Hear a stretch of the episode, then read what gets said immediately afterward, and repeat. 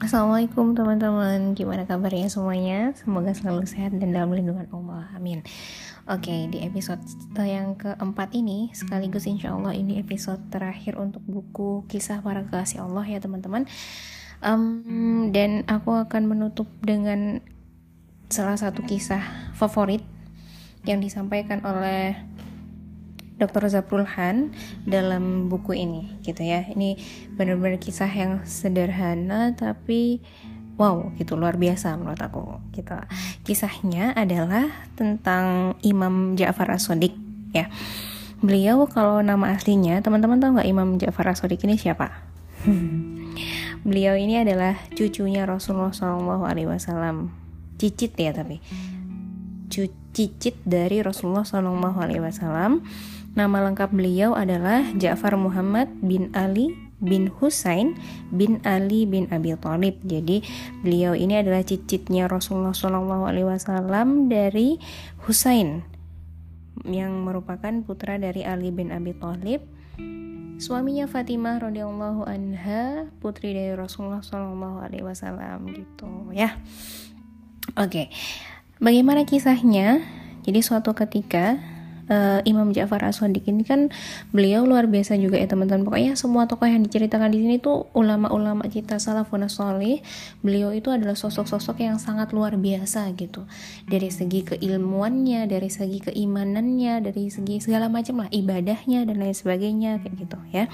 Begitu juga dengan uh, Imam Ja'far As-Sadiq ini Dulu di saat zamannya beliau hidup ada seorang pemuda yang mendatangi beliau untuk uh, bertanya tentang eksistensi Tuhan gitu. Jadi uh, pemuda ini tuh skeptis. Dia tidak mau mengimani atau dia tuh tidak percaya dengan adanya keberadaan Tuhan di alam semesta ini gitu. Kemudian uh, dia juga tidak mempercayai kalau misalkan adanya langit, adanya bumi, adanya manusia, adanya kita semua di dunia ini tuh adalah uh, bentuk dari adanya Tuhan kayak gitu. Karena kalau di di sebelumnya di episode sebelumnya kita kan sempat bahas juga tentang eksistensi Tuhan dari sudut pandang filsafat kosmologis teologis gitu ya. Nah, kalau di uh, di filsafat itu kan jelas disebutkan bahwasanya adanya langit dan bumi. Pokoknya semua ciptaannya Allah ini adalah refleksi dari adanya Allah kayak gitu. Kalau kita kemarin juga sempat bahas kayak misalkan keteraturannya bumi itu pasti ada sesuatu ada ada zat yang menciptakan itu ada zat yang mendesain itu kayak gitu. Nah pemuda ini tuh nggak percaya hal itu gitu teman-teman. Dia tuh nggak bisa menerima uh, bukti itu kayak gitu. Karena menurut dia ya nggak masuk aja di akalnya dia kayak gitu. Si pemuda ini gitu ya Nah, akhirnya dia datang ke Imam Ja'far As-Sadiq. Beliau minta dijelaskan tentang eksistensi Tuhan, tapi tanpa menyebutkan alam semesta beserta seluruh isinya. Gitu. Jadi dia nggak mau dibilang ya kalau misalkan kita melihat bumi dan lain sebagainya itu adalah wujud Tuhan uh, adanya ciptaan dari Tuhan yang maha kuasa kayak gitu. Dia nggak nggak mau menerima itu gitu.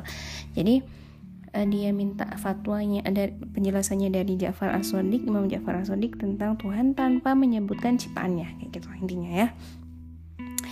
Nah kemudian uh, Imam Ja'far As-Sadiq dengan segala kebijaksanaan beliau beliau itu cuma bilang baik kalau begitu kalau kamu meminta demikian aku punya pertanyaan kayak gitu. Apakah kamu pernah uh, berlayar di laut dengan menggunakan perahu katanya gitu. Iya saya pernah imam gitu. Uh, kemudian ditanya lagi sama Imam Ja'far As-Sadiq uh, pernah nggak ketika kamu berlayar di satu malam ada badai yang sangat besar dan kapalmu ini sudah terancam uh, karam gitu udah udah mau udah mau udah di, di ujung tanduk kematian kayak gitulah. Intinya nggak ada lagi yang bisa nolong kemudian kapalnya juga udah rusak parah dan lain sebagainya kayak gitu. Pernah nggak terkena badai sampai parah banget kayak gitu? Terus katanya imam uh, katanya pemuda yang skeptis tadi itu iya imam saya pernah merasakan hal seperti itu gitu. Ditanya lagi sama imam Ja'far as saat kamu merasakan di uh, keadaan seperti itu, ada nggak keyakinan di dalam dirimu bahwa uh, kamu akan selamat dari kejadian ini kayak gitu? Iya Imam, saya juga ketika itu heran di dalam hati saya meskipun saya tuh sudah eh, nggak uh, tahu harus apa yang saya lakukan, tapi saya yakin akan ada sesuatu yang bisa menolong saya mengeluarkan saya dari permasalahan ini kayak gitu katanya. Ini aku ceritakan ulang dengan bahasa aku sendiri ya teman-teman. Nah, kemudian dijawab oleh Imam Ja'far As-Sadiq di halaman 164 di buku ini. Kalau ini bahasa asli beliaunya. Nah, sesuatu yang engkau harapkan dan tempatmu menggantungkan seterbesit harapan itulah Allah. Kendati engkau tidak mampu mengenalinya secara langsung saat itu. Ucap Imam Ja'far As-Sadiq. Dari perkataan ini, Langsung pemuda itu kemudian dia beriman dan tidak pernah ragu, ragu lagi terhadap Allah Subhanahu wa taala. Menarik banget kan teman-teman. Jadi caranya beliau menjelaskan uh, sesuatu hal yang besar tentang eksistensinya Allah, tapi dari sesuatu yang ada di dalam diri kita sendiri gitu gitu. Itu yang menurut menurutku pribadi sangat uh, sangat wah masya Allah menarik gitu. Karena kita nggak pernah sadar selama ini gitu ya. Mungkin kita pernah juga dihadapkan di suatu posisi yang hmm, terhimpit suatu posisi yang sulit dan tapi ada gitu keyakinan di dalam diri kita bahwa kita bisa keluar dari situasi ini gitu. Dan kata kata uh, Imam Jafar Aswadi itulah adanya keimanan di dalam diri kita, hati nurani kita yang mengimani Allah itu ya perasaan itu gitu loh. Karena kan sebenarnya kalau kita balikin ke teori awal penciptaannya manusia di mana kita udah diinstal iman di dalam diri kita oleh Allah bahkan sebelum ruh kita ditiupkan kepada jasad kita, janin kita waktu di dalam kandungan itu, kita sudah bersyahadat bersaksi sama Allah Subhanahu wa taala. Di surat Al-A'raf ayat 172 Allah katakan alastu birabbikum kita menjawab semuanya qalu bala syahidina. Kita bersaksi bahwasanya Allah itu adalah Tuhan kita kayak gitu. Jadi indah betapa indahnya ketika kita dihadapkan di dalam satu keadaan yang uh, menyulitkan dia di keadaan yang uh, ter, apa namanya terhimpit itu tuh kita bisa mengingat Allah di situ. Walaupun kita nggak mengenali rasa itu adalah keimanan kita kepada Allah kayak gitu. Masya Allahnya gitu ya. Nah kita coba bahas lagi ya lebih dalam gitu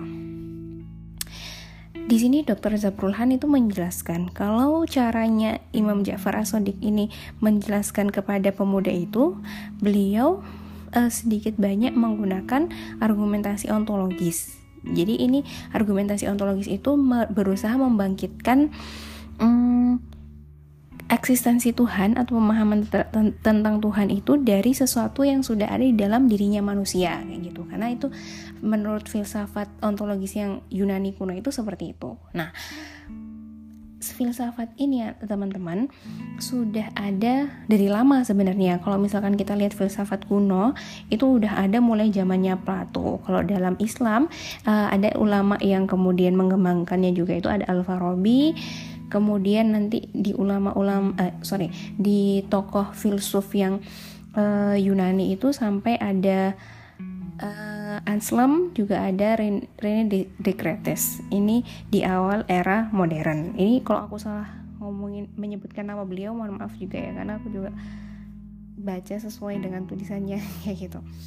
Nah gimana sih tentang uh, argumentasi ontologis itu kalau menurut para filsuf kayak gitu kita coba lihat sedikit ya kalau di sini Dr. Zaburhan itu juga sempat mention ada Anselm itu beliau me menganggap bahwasanya dalam diri manusia itu bersemayam sesuatu suatu ide tentang zat yang sempurna dan itulah yang dimaksud dengan Tuhan gitu karena beliau percaya ketika manusia itu menelisik ke dalam dirinya menyelami dirinya sendiri maka manusia itu akan menemukan citra Tuhan yang terpantul dalam alam batin kita kayak gitu nah uh, sesuatu yang sempurna, yang paripurna itu harus memiliki wujud gitu ya teman-teman. Karena kalau misalkan nggak ada wujudnya, berarti gimana mau di, dilihat sempurna kayak gitu. Bukan hanya letaknya itu dalam angan-angan atau pikiran aja gitu tapi ada wujudnya dalam hakikat nah itu nah kalau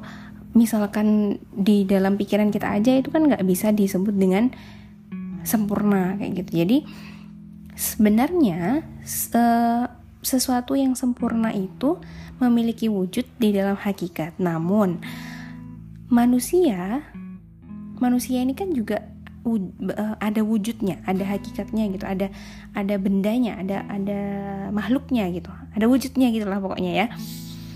Namun terbatas kemampuan manusia ini untuk menghasilkan suatu ide tentang Tuhan yang tidak terbatas. Poinnya di sini.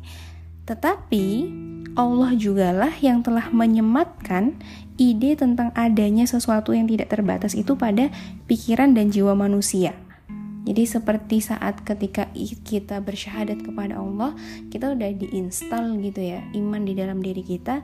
Jadi ada terbesit sesuatu di dalam diri kita tentang keberadaannya Allah, walaupun kita tidak mengenalinya kayak gitu. Seperti yang tadi udah kita bahas gitu ya. Nah, hubungannya dengan kisahnya uh, Imam Ja'far As-Sadiq itu tadi apa? Ketika kita berada dalam situasi yang menghimpit, suara jiwa uh, suara jiwa kita itu tiba-tiba mengakui bahwa ada suatu wujud yang agung yang mempunyai jagat raya dan mampu menolong kita gitu. Sesuatu yang dirasakan oleh pemuda itu sendiri itu tadi merupakan uh, pengakuan bahwanya ada suatu tempat bergantung dan itulah Tuhan.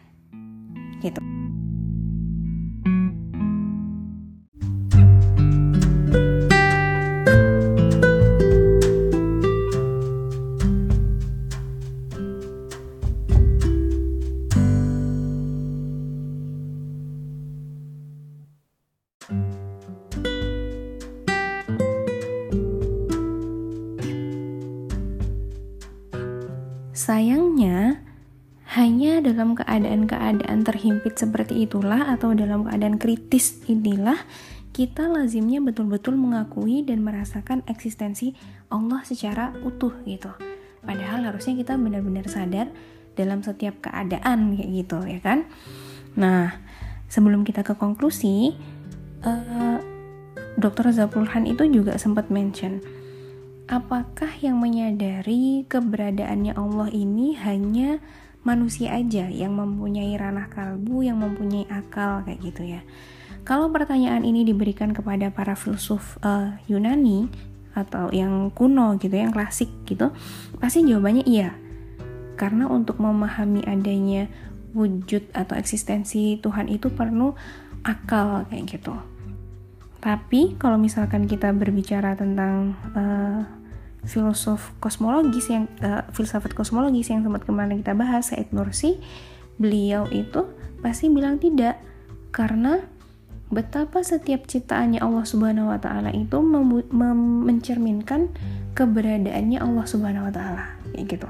Kayak burung-burung yang berkicau uh, di mana burung-burung itu bertasbih kepada Allah, angin yang berhembus mengikuti perintahnya Allah, bahkan terbitnya matahari, tenggelamnya, kemudian adanya bulan, adanya bintang, semuanya itu mengikuti perintahnya Allah gitu.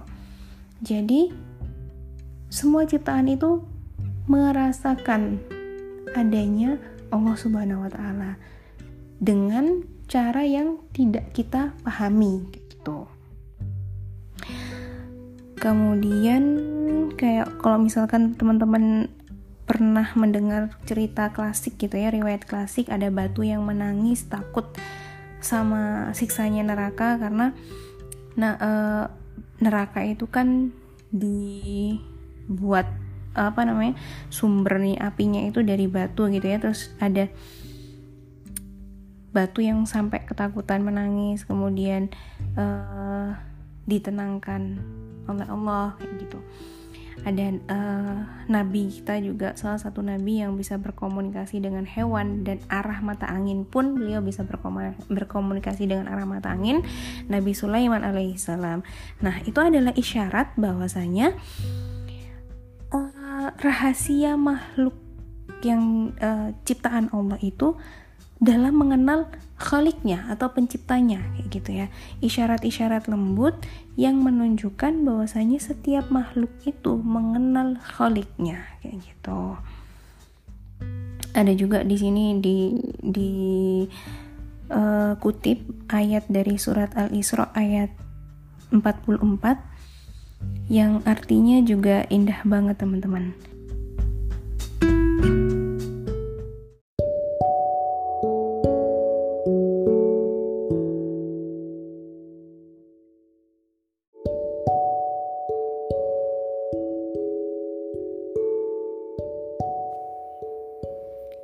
Langit yang tujuh, bumi dan semua yang ada di dalamnya bertasbih kepada Allah. Dan tidak ada satupun melainkan bertasbih dengan memujinya, tetapi kamu sekalipun tidak mengerti tasbih mereka. Sesungguhnya dia adalah maha penyantun lagi maha pengampun.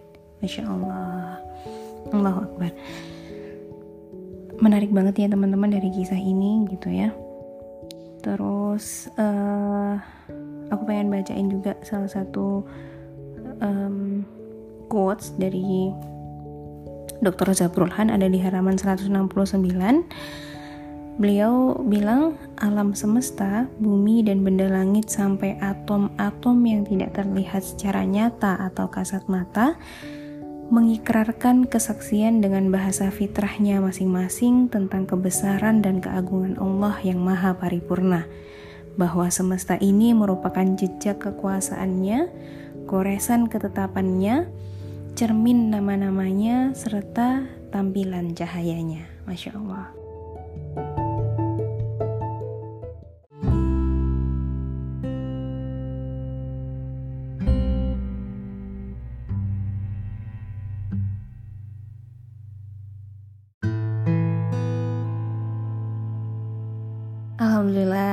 Di episode ini kita udah belajar satu lagi poin tentang bagaimana sih mengenali Allah dalam diri kita sendiri gitu ya teman-teman lewat kisah satu pemuda yang tidak mau menerima ke bukti kebesaran Allah dari ciptaan-ciptaannya kayak gitu.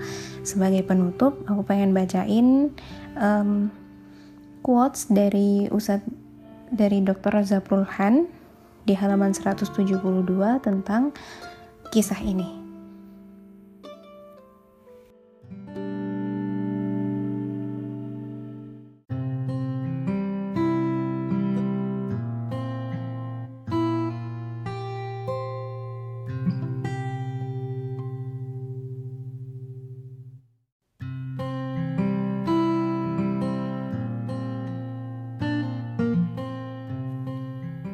Janganlah menjadi seperti laki-laki dalam kisah di atas yang hanya merasakan suara sakral ketuhanannya saat terperangkap dalam keterdesakan. Asahlah kalbu dan jiwa Anda dengan berbagai bentuk pengabdian kepadanya agar suara suci itu tetap bergema dalam setiap situasi kehidupan yang Anda lalui. Semoga.